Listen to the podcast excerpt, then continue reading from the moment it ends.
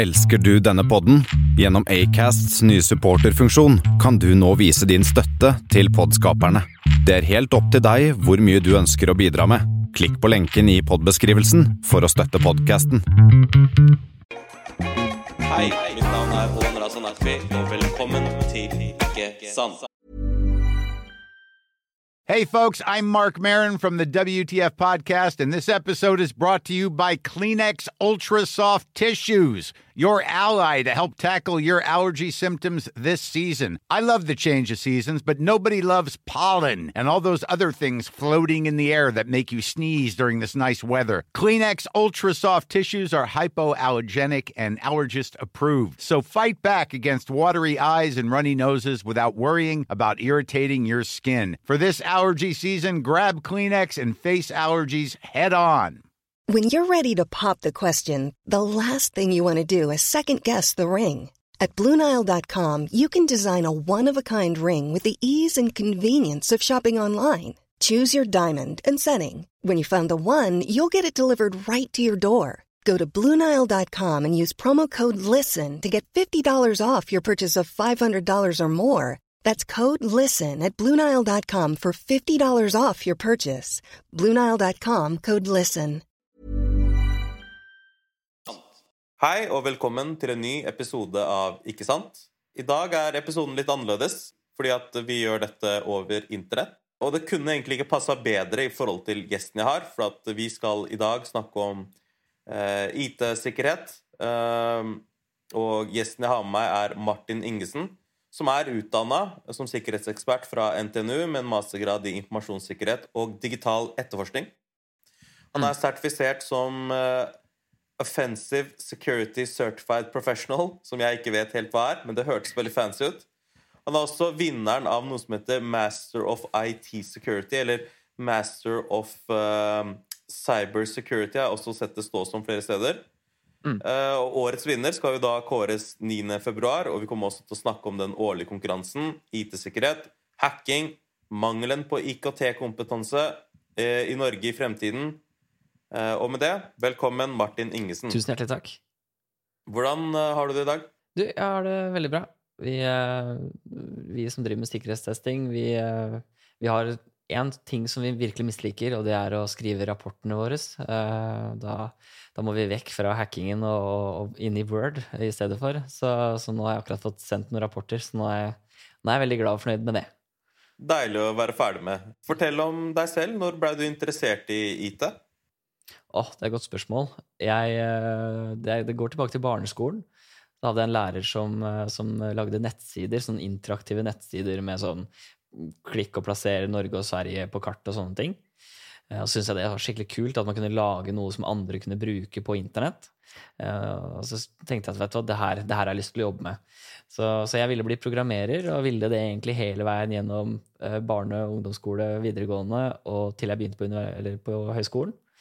Og så fant jeg ut det at eh, jeg hadde et, eh, i andre semester, første året mitt andre semester på høyskolen, eh, på programmering, eller programmeringsbachelorgraden min, så hadde jeg introduksjon til informasjonssikkerhet. Og så hadde jeg en foreleser som klarte å virkelig fange meg med, med ja, Jeg syntes det var så kult at man kunne, kunne drive med hacking. Så tenkte jeg at Men så så jeg det at de andre brydde seg ikke like mye som meg. Så, så jeg, det var jeg som brydde meg mest, og så var de andre de var mest opptatt med å programmere og sånt. Og jeg liksom Men dette her er kanskje en nisje som, som jeg kunne likt å være i. Så det, var jeg, det var sånn jeg fikk basillen. Og så var jeg med på en del konkurranser, blant annet på The Gathering. Eh, prøvde å delta på, på kall det NM og bli plukka til landslaget. Og, og litt sånne aktiviteter ved siden av, kall det sånn extracurricular. Og så fikk jeg, heldigvis så fikk jeg eh, jobb som sikkerhetskonsulent rett ut fra bachelorgraden min eh, via en venninne. Eh, Og, og sånn starta egentlig den ballen der. Da så tenkte jeg at jeg hadde lyst på litt grann, eh, ekstra på CV-en, så jeg tok den mastergraden i informasjonssikkerhet på, på NTNU Gjøvik. Mm. Eh, Og så hoppa jeg litt eh, over til et annet selskap og begynte å jobbe i en, eh, i noe som kalles en CERT, eller en Computer Emergency Response Team, som egentlig sitter og jobber med overvåkning av datasystemer for kunder. og håndtere hendelser og sånne ting. Og der drev jeg med litt hendelseshåndtering, litt analyse, og, og, mest egentlig sikkerhetstesting, som jeg fant ut av det er min nisje, da, i, i, i nisjen igjen. Jeg skjønner. I noen intervjuer om deg så leste jeg at du sa at uh, innen 2030 vil Norge mangle mellom 3000 og 4000 personer med IKT-sikkerhetskompetanse. Og at det er mm. en krise for et mer digitalt samfunn. Um, fortell litt mer om det. Hva spesifikt mangler vi, og, og i hvilken grad, og liksom, hva er konsekvensene av det? Mm. Altså, det, er flere, det, er flere, aspekter ved det at, at, vi mangler sikkerhetskompetanse. Det ene er at vi, vi mangler utøvende, altså personer som jobber med IT-sikkerhet. Eh, det er gjort analyser som sier at det kommer til å være større behov for personer med den spisskompetansen, i, i, og det merker vi, merker vi, allerede nå, at det er vanskeligere å få tak i folk, og, og flere kjemper om de samme hodene og sånne ting eh, når det kommer til ansettelser. Eh, så, så, det er litt sånn utfordrende på den måten. Og der gjør man jo tiltak. Man prøver å utdanne flere mennesker og få, få flere folk inn i, inn i bransjen. Eh, så det er det ene aspektet ved det.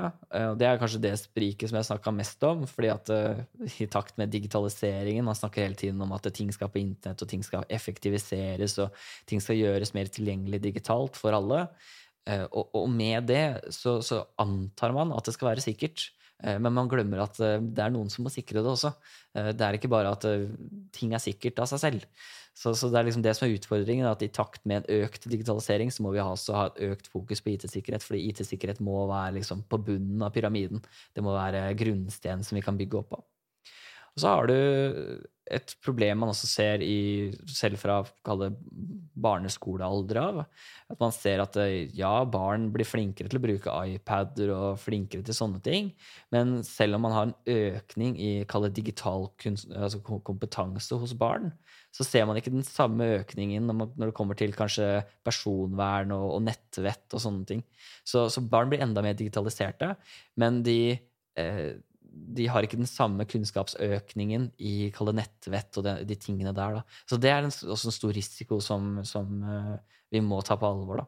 Tror du ikke at det er en sånn generasjonsting? At fordi at mange av lærerne våre eller foreldrene våre ikke er så tech-savvy, uh, mm. så er det mye sånn lærdom som vi opparbeider oss Vi har levd med internett og sosiale medier, i hvert fall mesteparten av livet for min del og, og, at vi måte, Jeg tror ikke foreldrene mine skulle hatt en samtale med meg om måte, at, og, liksom, privatliv og internett og hva man skal dele, og nettvett, da, basically, og, mm. og de tingene mm. her. Så kanskje det er eh, en generasjon som må lide for at en annen generasjon skal få det bedre. Ja, det, det kan godt hende, det. altså. Jeg tror, jeg tror vi må passe på at vi får det inn. fordi nå kommer altså, eh, kall det før i tiden. Eh, nå er jeg, så gammel er jeg ikke, men, men når jeg satt på gutterommet, så, så, så, kan man jo si at jeg på en måte eksponerte meg selv for hva det jeg ville, og måtte ta lærdommen av det, på en måte. Eh, og hadde ikke den foreldregenerasjonen som sto overfor meg og nødvendigvis fortalte meg hva jeg skulle og ikke skulle gjøre, så jeg måtte finne ut av litt av det selv. Men, men nå har du på en måte nå har vi lagt opp til at barna skal eksponeres for internett. De skal eksponeres for, for YouTube og Minecraft og, og, og, digitale læringsspill og iPad og, og, laptop og gudene vet hva de ikke skal. ikke sant? Og du klarer ikke å unngå TikTok og Instagram og de tingene der. Eh, så, det har man på en måte lagt opp til. Men når du legger opp til noe, så må du også passe på at sikkerheten, hvis man skal kalle det det, altså nettvett og, personvern og sånt, noe tas, tas vare på. Så, så, der tror jeg skolene og foreldrene også har et ansvar. Gir du barnet ditt en mobiltelefon, så, så, er det faktisk ditt ansvar å sørge for at barnet klarer å bruke det på en trygg måte. Så, og så ser man jo det Det er klart, nå har vi snakka om både de kalte IT-profesjonelle um, profesjonelle som, som, jobber med IT-sikkerhet, og barna, men så, så, er det de imellom òg, da. De voksne som jobber i bedrifter, og det kommer vi sikkert til å komme mer inn på når vi snakker om nyheter, men eh, det er også et behov for at eh, normale voksne som jobber i en normal jobb, også lærer seg IT-sikkerhet og har en interesse for det. For det påvirker deres privatliv, og det påvirker deres liv på jobben. Så, så, så, jeg tror i alle fasetter av livet så tror jeg IT-sikkerhet er, er, viktig. Det må bare justeres for, for mottaker. Riktig. Jeg tenkte at vi skulle, skulle prøve å Når jeg begynte å sjekke på det her og skulle liksom lese og tenke sånn Nå skal jeg eh, forfatte noen gode spørsmål, eh, så innså jeg at denne samtalen her kunne vart i en evighet.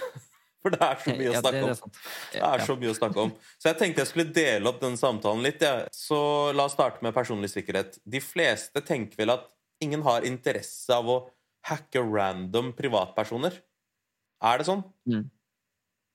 Eh, nei, det er definitivt ikke sånn. Um, det er såpass mange mennesker på jorda at det er nok ikke alle som kommer til å oppleve å bli hacket. Men, uh, men uh, ganske mange av oss har fått spam-e-post. Eh, vi har fått eh, e-poster som ser ut som det kommer fra Posten eller Post Nord eller lignende, og vil ha deg til å betale en liten sum for å, for å ta imot en pakke, f.eks.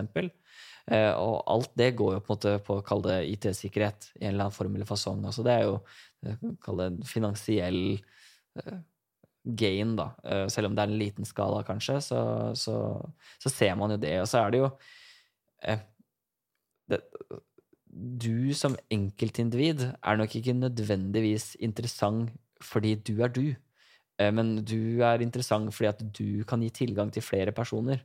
Så man kan bruke din identitet, eh, enten det er på Facebook eller Instagram eller lignende, til å kanskje spre seg videre til dine kontakter igjen, og bruke, eh, bruke deg som, som et virkemiddel da, inn mot, inn mot dine venner og bekjente igjen.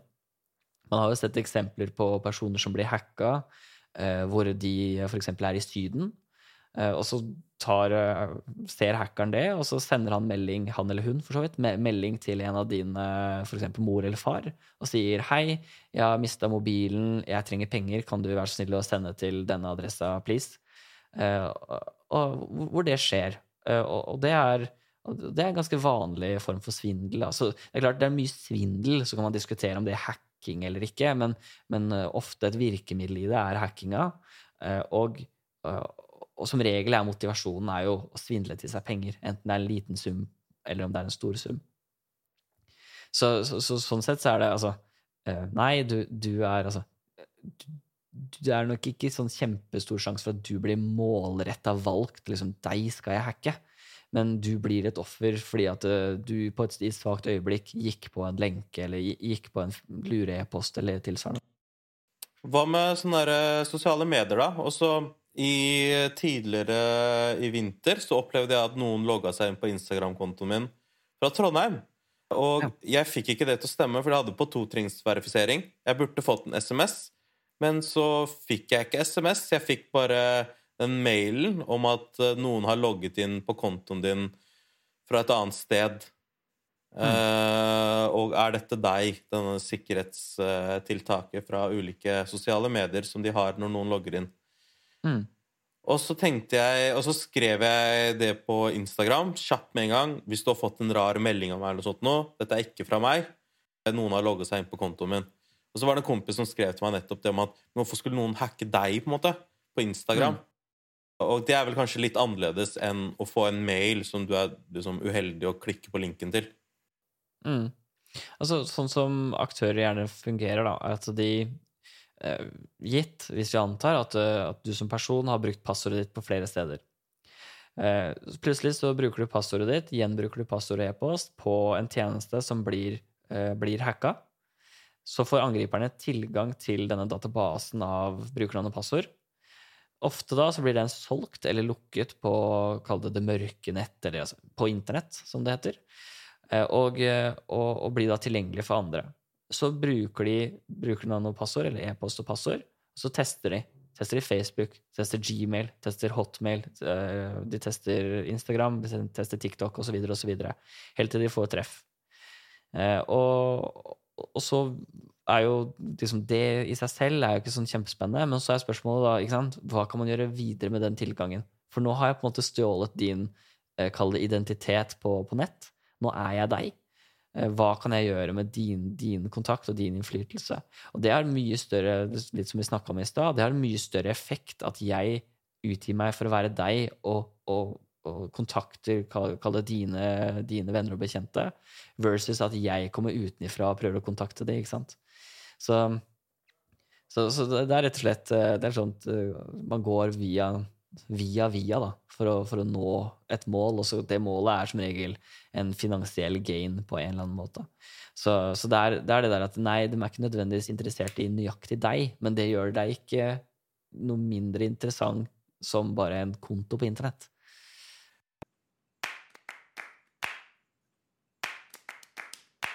Helt siden 2019 så er det mange som melder en ganske stor økning i dataangrep retta mot ulike bedrifter eller generelt statlig nivå. Jeg tenker at Vi har litt lyst til å skille mellom det eh, statlige og det med bedrifter. Og jeg tenkte at vi kunne starte med å snakke om det her. Av mediesjefen, som sier at nå er det tunge dager for de ansatte. For å bare opplyse om saken, så det som har skjedd, er at eh, det er A-media som har blitt hacka, som har en rekke lokalaviser, deriblant Nettavisen, som er litt mer nasjonalavis. Og eh, de har 78 ulike papiraviser, og i romjula nå så ble de hacka, som gjorde at ingen av avisene kunne komme ut, og det ble blant annet nevnt som et forsøk på å destabilisere samfunnet. Kontoopplysninger, personopplysninger, lønnsopplysninger og mye annet blei lekka om disse folka, annet personnummeren deres. Det føles veldig uvanlig ut, men samtidig så har det begynt å bli mer og mer vanlig. Hva tenker du når du leser sånne saker, Martin? Jeg tror nok stor del av grunnen til at vi merker at eh, flere sånne ting kommer kanskje opp i dage, er jo fordi at det er ikke så lett å skjule lenger. Før så altså, sånne type angrep har endra seg de siste ja, skal si, årene. Fra å være mer Kanskje mer, kall det mer spionasje, mer, mer, det å infiltrere noen og, og kanskje få ut noe penger ved, ved, å på en måte gjennomføre noe sånn e-postsvindel i form av ja, altså aktørene som gjennomførte hackerangrep før, hadde på en måte ikke den samme enkle veien til å få, få en fortjeneste for jobben de gjorde. Og så plutselig så, så vi en bølge av det man kaller altså ransomware, eller utpressingsvirus, hvor, hvor, det plutselig ble mye mer vanlig, eh, og, og tvang måte selskapene til å gå mer offentlig, fordi at det påvirka stabilitet, altså drifta deres. Det, altså, hvis, uh, hvis, et eller annet regnskapskontor, holdt opp, en eller annen regnskapsfører i et selskap, betaler ut 10 millioner kroner, så, så, det, så, får ikke du og jeg høre om det. Men hvis uh, nettsida blir borte, og du får ikke kjøpt noe der lenger, da, da merker man det. Så, så det, den, det, har litt annen impact og litt annen påvirkning i disse dager. Og så har det jo trusselaktørene gått over fordi at uh, man har blitt flinkere med backup-rutiner og sånne ting for å komme tilbake fra disse krypteringsvirusene. Eh, hvorpå de har begynt å lekke informasjon som de da slipper fritt tilgjengelig på internett hvis du ikke betaler. Så det er sånn dobbel. Først så krypterer de filene dine, og hvis du er smart nok til at du har backup, så har de også tatt de, kall det eh, ransom, eh, i form av at de også har lasta ned filer uh, og truer med å dele det på internett hvis du ikke betaler. Så de, de, sikrer seg på en måte dobbelt. Da. Og det er en forandring som er ganske ny. Den har ja, endra seg de siste årene. At det har blitt mer vanlig. Here's a cool fact a crocodile can't stick out its tongue. Another cool fact you can get short term health insurance for a month or just under a year in some states. United Healthcare short term insurance plans are designed for people who are between jobs, coming off their parents' plan, or turning a side hustle into a full time gig. Underwritten by Golden Rule Insurance Company, they offer flexible, budget friendly coverage with access to a nationwide network of doctors and hospitals. Get more cool facts about United Healthcare short term plans at uh1.com. It's that time of the year. Your vacation is coming up. You can already hear the beach waves, feel the warm breeze, relax, and think about work. You really, really want it all to work out while you're away. Monday.com gives you and the team that peace of mind. When all work is on one platform and everyone's in sync, things just flow wherever you are. Tap the banner to go to Monday.com. Spring is my favorite time to start a new workout routine. With the weather warming up, it feels easier to get into the rhythm of things. Whether you have 20 minutes or an hour for a Pilates class or outdoor guided walk, Peloton has everything you need to help you get going. Get a head start on summer with Peloton at onepeloton.com. Many of us have those stubborn pounds that seem impossible to lose, no matter how good we eat or how hard we work out. My solution is PlushCare. PlushCare is a leading telehealth provider with doctors who are there for you day and night to partner with you in your weight loss journey. They can prescribe FDA-approved weight loss medications like Wagovi and Zepbound for those who qualify. Plus, they accept most insurance plans. To get started, visit plushcare.com slash weight loss. That's plushcare.com slash weight loss. Ja, riktig. Ja, så er det jo Altså, media Det er jo Det beviser jo på en måte at selv selskaper som man kanskje jeg vet ikke om man kanskje tror eller forventer eller tenker at det har alt i orden. Da. Selv de kan gå på, gå på en smell. Altså, det er ingen som er uh, usårbare for, uh, for uh, hacking. Alle, kan, alle er et mål, og, og hvis, man, hvis, en, hvis, en, trusselaktør ser et handlingsrom, så, så, vil man ta det handlingsrommet. Så man må på en måte være forberedt på at, at, at de kommer til å fatte interesse. Og, og de snakka jo om at ja, men det kan være et angrep, altså forsøk på å destabilisere samfunnet og, og, og demokrati og sånt noe. Jeg jeg tror, nok man gjerne skulle ønske at det hadde vært det som er, men jeg tror i stor grad så handler det om Hackerne fant et sikkerhetshull, og de valgte å utnytte sikkerhetshullet. Og på den måten så fikk de tilgang til, til hele nettverket, og, og, og, på en måte gjorde det de alltid gjør. De lasta ned filer, og så krypterte de alle de viktige filene. Mm. Tror du det er tilfellet for uh, disse andre, sånn Nortura, som blir um, hacka? Universitetet i Tromsø. Kommunen Østre Toten ble i januar utsatt for et hackerangrep. Senere fikk kommunen 4 millioner kroner i bot for at de ikke har tatt godt nok vare på personsensitive data. Uh, mm. Så man kan også få en bot for det. Mm. Og så som han ene i denne saken her sier, Østby, som heter navn, som eh, sier at systemsikkerheten i Norge er ganske god, og at sårbarheten ofte ligger i menneskene som bruker datasystemene. Så det er, det er, det er menneskene som har feilen? Nei, det er menneskene som gjerne er inngangsportalen, vil jeg si. Altså, ofte så Det, det man sier at systemsikkerheten er god, det, det, det, kan man være mindre, mer eller mindre uenig i, tror jeg. Men, men poenget er ofte at uh, nettverkene til bedriftene, sett utenfra, sett fra internett, er ganske greit rusta. Så det, det, er ikke, det, er ikke, bare å gå rett inn. Det er ikke sånn at du bare logger på en side med et hemmelig passord, og så er du inne i en bedrift. Det er ikke så enkelt. Men inngangsporten er som regel eh, at en ansatt gir fra seg brukernavn og passord og tofaktorkode, f.eks., eller at de kjører en fil som gjør at det blir mulig å, å, å få fjerntilgang da, til den PC-en. Og så begynner angriperen å grave seg innover. Eh, og, og her, er det, her, er det, ikke enkeltpersonen sin feil. Her er det jo systemene som ikke klarer å fange opp den aktiviteten.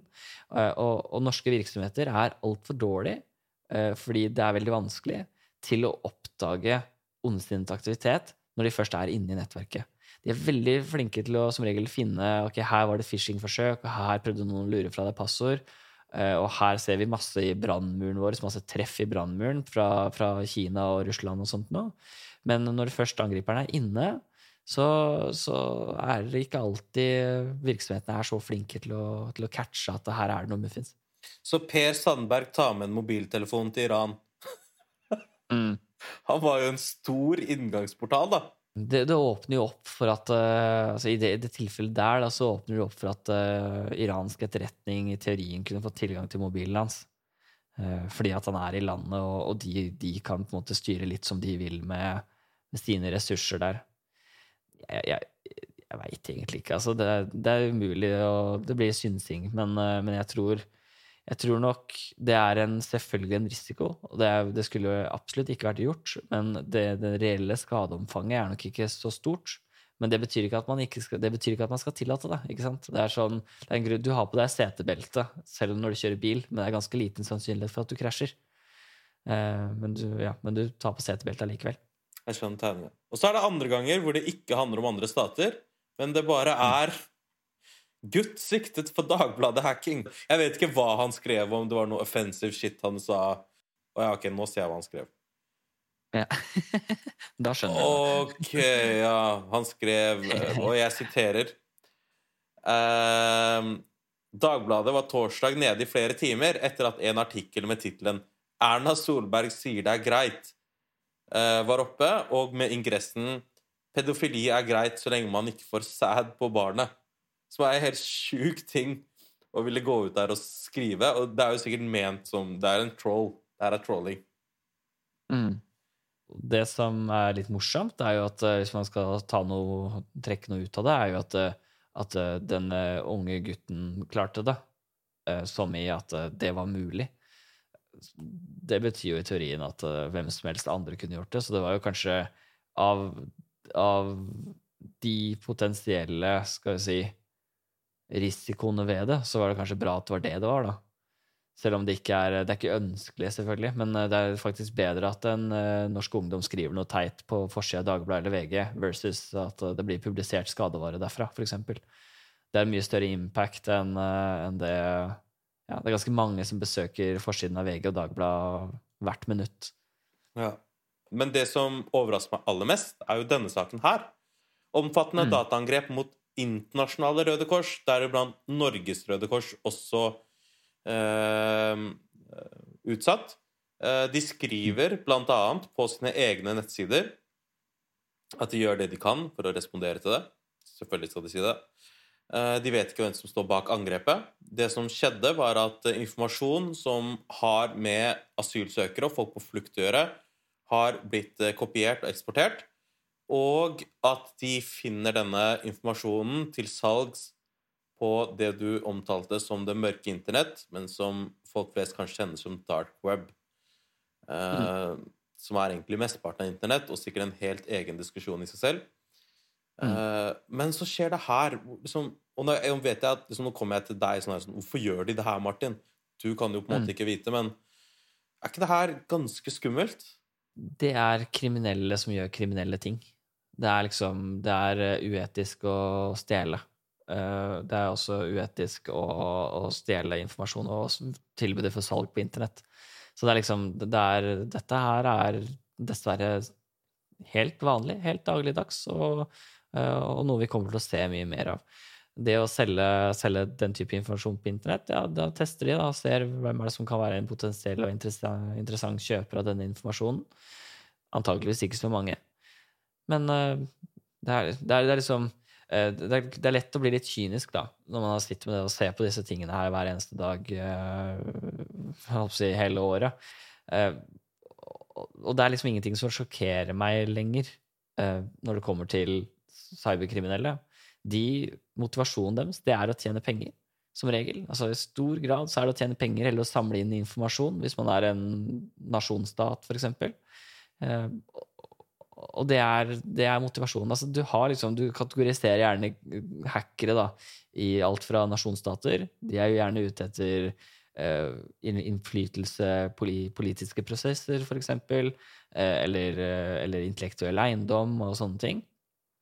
Og så har du, har du organisert kriminelle, som kanskje jeg vil si at det er i det sjiktet her, at de er ute etter å tjene penger. Enten det er ransomware eller salg av informasjon eller salg av intellektuell eiendom. Eh, Og så har du kanskje mer, mer sånn eh, hacktivister som gjør det fordi de vil ha et politisk statement. De har en eller annen grunn til at de vil, de vil ta ned en nettside fordi at de ikke eh, de misliker det, det partiet eller det den nettsiden står for. Og så har du kanskje den siste som vi så i stad med, med denne gutten 19 år, som gjør det for moro skyld. Gjør det fordi at han kan. Eh, Og gjør det fordi at det her er et mulighets- eller handlingsrom som liksom, Ja, hvorfor ikke? Det er gøy. Eh, Så, så du har liksom du har hele, du har hele rangen av de forskjellige type, type Kall det hackerne. Eh, Og, og, og ja, nei, man ser liksom hele gambiten flere ganger i året, da. Og så tror jeg ja, så bare så det er nevnt, jeg tror jo ikke igjen, helt avhengig, det er ikke sikkert noen målretta har gått etter Røde Kors, men det har vært litt sånn La oss ta en titt. Ok, her var det noe gøy. Og så finner man, og så begynner man å grave, og så, og så plutselig er man inne. Akkurat det med Røde Kors, det som bekymra meg mest, er en ting jeg lærte da jeg jobba med dem, og det var at eh, vi skulle gjøre en sånn utstilling, en kunstutstilling basert på asylbarn. Og så sa de at det var veldig viktig at vi liksom skulle ha med barnetegninger, da. Eh, fordi at eh, barn, når de prosesserer traumer, så tegner de og leker de. Så, så disse barnetegningene for oss, det var liksom sånn Det her er historier. Dette er deres er vitnesbyrd eh, på hvordan de har det. Så vi ville vise det fram. Og så var det veldig viktig at vi streka ut navnene. Og det var fordi at de har en sjanse for å bli forfulgt av tidligere land de har eh, tilhørt. Familiemedlemmer. Eh, andre ekstreme grupperinger i dette landet som vet hva de har flykta fra, og vil ta dem for det. For de ser på dem som avhoppere, ikke bare folk som forlot landet, men som også forlot religion og tro, og det har de en veldig alvorlig straff for. Så jeg, jeg tenker jo at uh, Uten at jeg skal peke finger mot noen, så vet jeg at visse land hadde nok vært interessert i denne informasjonen. her sånn. Eh, og så er spørsmålet vel, hvorfor selges det da på dark web? Det vet ikke jeg. Uh, kanskje det er flere enn de. Jeg tror nok kanskje det handler om at hvis man sitter på den kunnskapen som du har, da, at du vet at eh, det, den informasjonen her, den er viktig. Så når du først er inne hos Røde Kors, så ser du den informasjonen, så tenker du det her kan jeg sikkert selge til noen. Men det er en eller annen eh, gruppering, eller annen, det kan godt være én person, for den saks skyld, som har funnet et sikkerhetshull, utnytta den, lasta ned noen data, og så tenkt dette kan jeg sikkert selge. Og så bare legger man det ut. Eh, Så så kynisk tror jeg, tror jeg de, de er.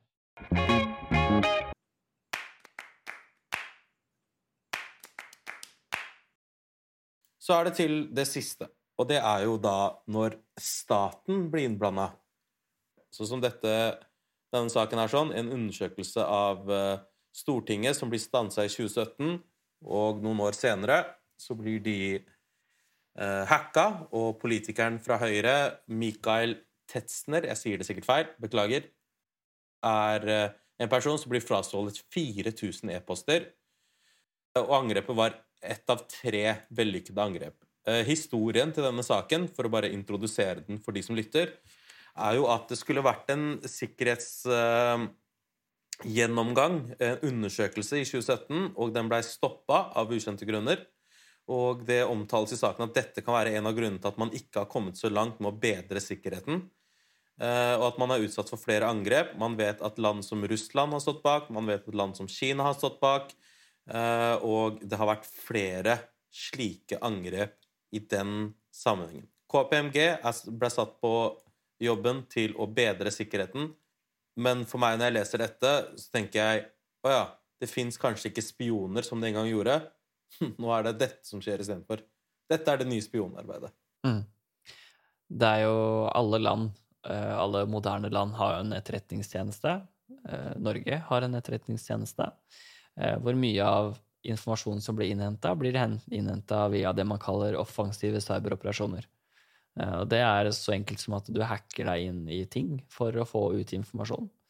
Eh, Man har også altså infiltratører, altså informanter og alle de tingene der. Veldig sånn Kall det litt sånn James Bond-aktig. Det, det eksisterer fortsatt den dag i dag. Men, men mye av verdien som, eh, som eh, norsk etterretning henter inn, eh, mistenker jeg i hvert fall, jeg kan jo ikke si, dette vet jeg ikke, men jeg er ganske sikker på at det kommer fra, kommer fra, fra type cyberoperasjoner. Så, så, så det, er, det er uten tvil at dette er eh, Som jeg nevnte i stad, statlige aktører de er interessert, og de vil alltid har alltid en interesse for å finne ut av hva er det naboland, eller hva er det andre land eh, driver med, eller har en interesse av, eller hva er det de skriver til hverandre, eller hva er det de planlegger. Eh, fordi informasjon på en måte er makt, da. Tror du at vi gjør det? Ja, mot, mot andre land, tenker du på? Ja, det er 110% Tror du at det er noen eh, som er leid inn av den norske staten for å hacke Kina, liksom? Ja, så det, det, det er ansatte personer i etterretningstjenesten som, som jobber med å, med, å, med å hacke andre land. Det er, det er, det er offentlig informasjon. For at når det skjer her, så føler man sånn, sånn svik. bare, ah, Hvordan kunne ikke, hvordan våger de kineserne? Ja, ja. How could you? Uh, og så, så sitter vi og gjør det samme. Tror du at Ja. disse uh, Når Brønnøysundregistrene Det er jo massiv mengde med informasjon på alle i Norge. De alle, ja, alle, tror jeg. Uh, mm. Jeg vet ikke om det er, men jeg har spilt Risk eller Civilization før.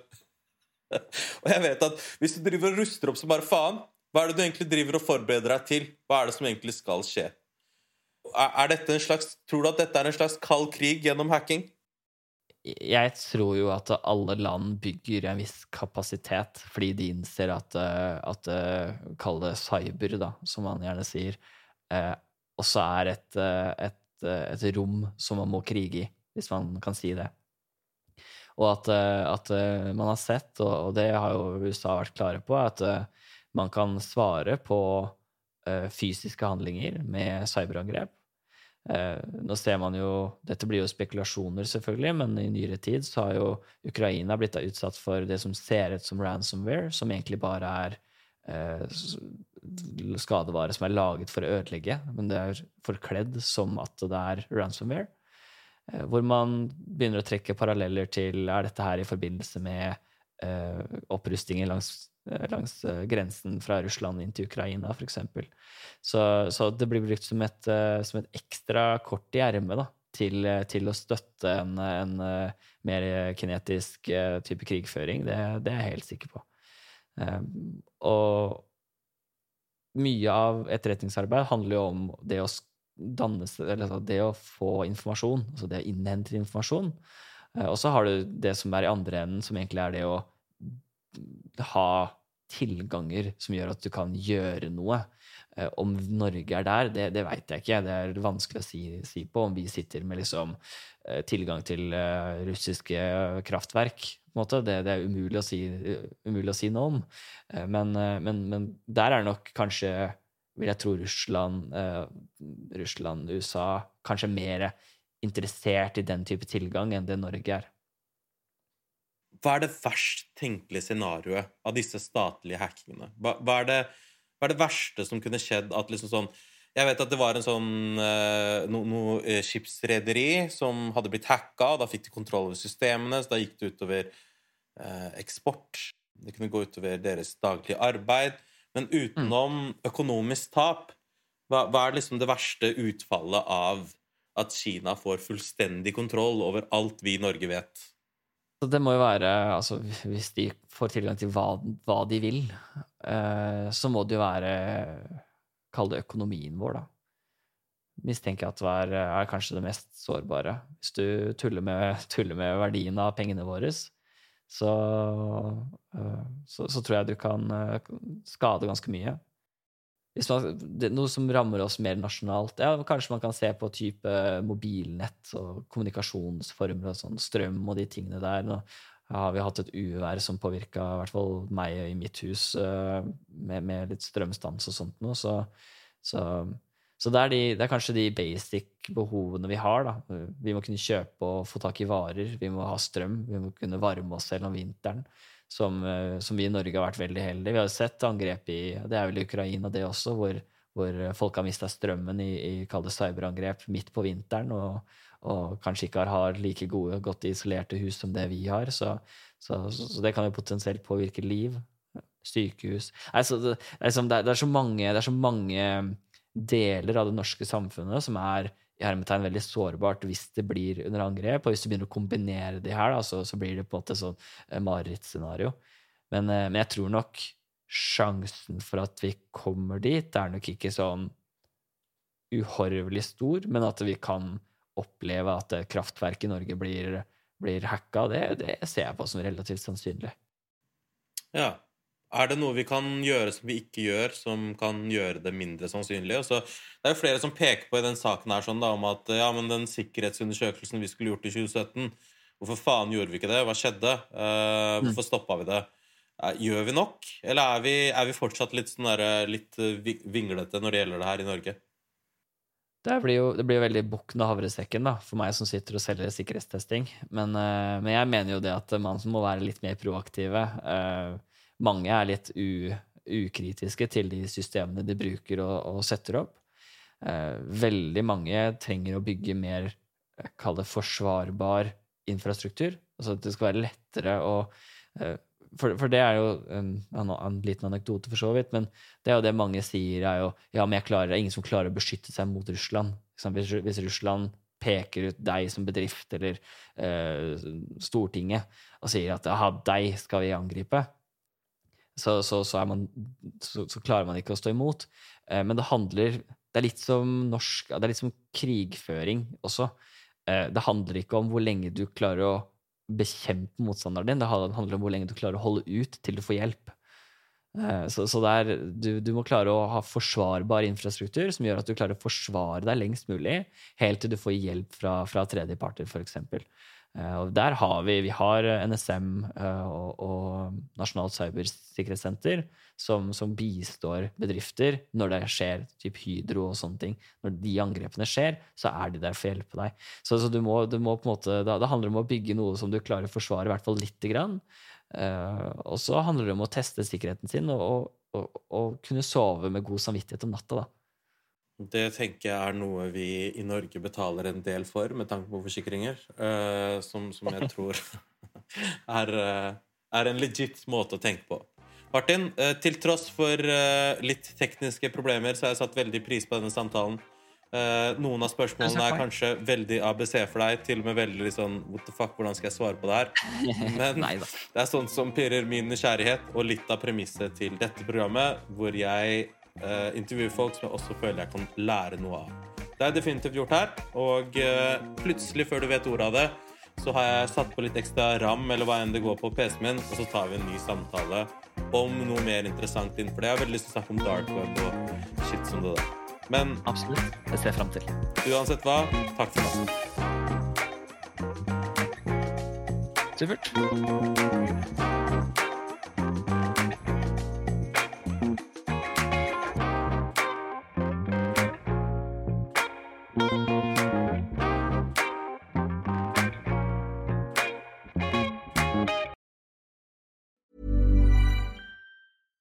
Imagine the softest sheets you've ever felt. Now imagine them getting even softer over time. That's what you'll feel with Bowl and Branch's organic cotton sheets. In a recent customer survey, 96% replied that Bowl and Branch sheets get softer with every wash. Start getting your best night's sleep in these sheets that get softer and softer for years to come. Try their sheets with a 30-night guarantee. Plus, get 15% off your first order at bowlandbranch.com. Code BUTTERY. Exclusions apply. See site for details. Hold up. What was that? Boring. No flavor. That was as bad as those leftovers you ate all week. Kiki Palmer here, and it's time to say hello to something fresh and guilt-free. Hello Fresh. Jazz up dinner with pecan-crusted chicken or garlic butter shrimp scampi. Now that's music to my mouth. Hello Fresh. Let's get this dinner party started. Discover all the delicious possibilities at hellofresh.com.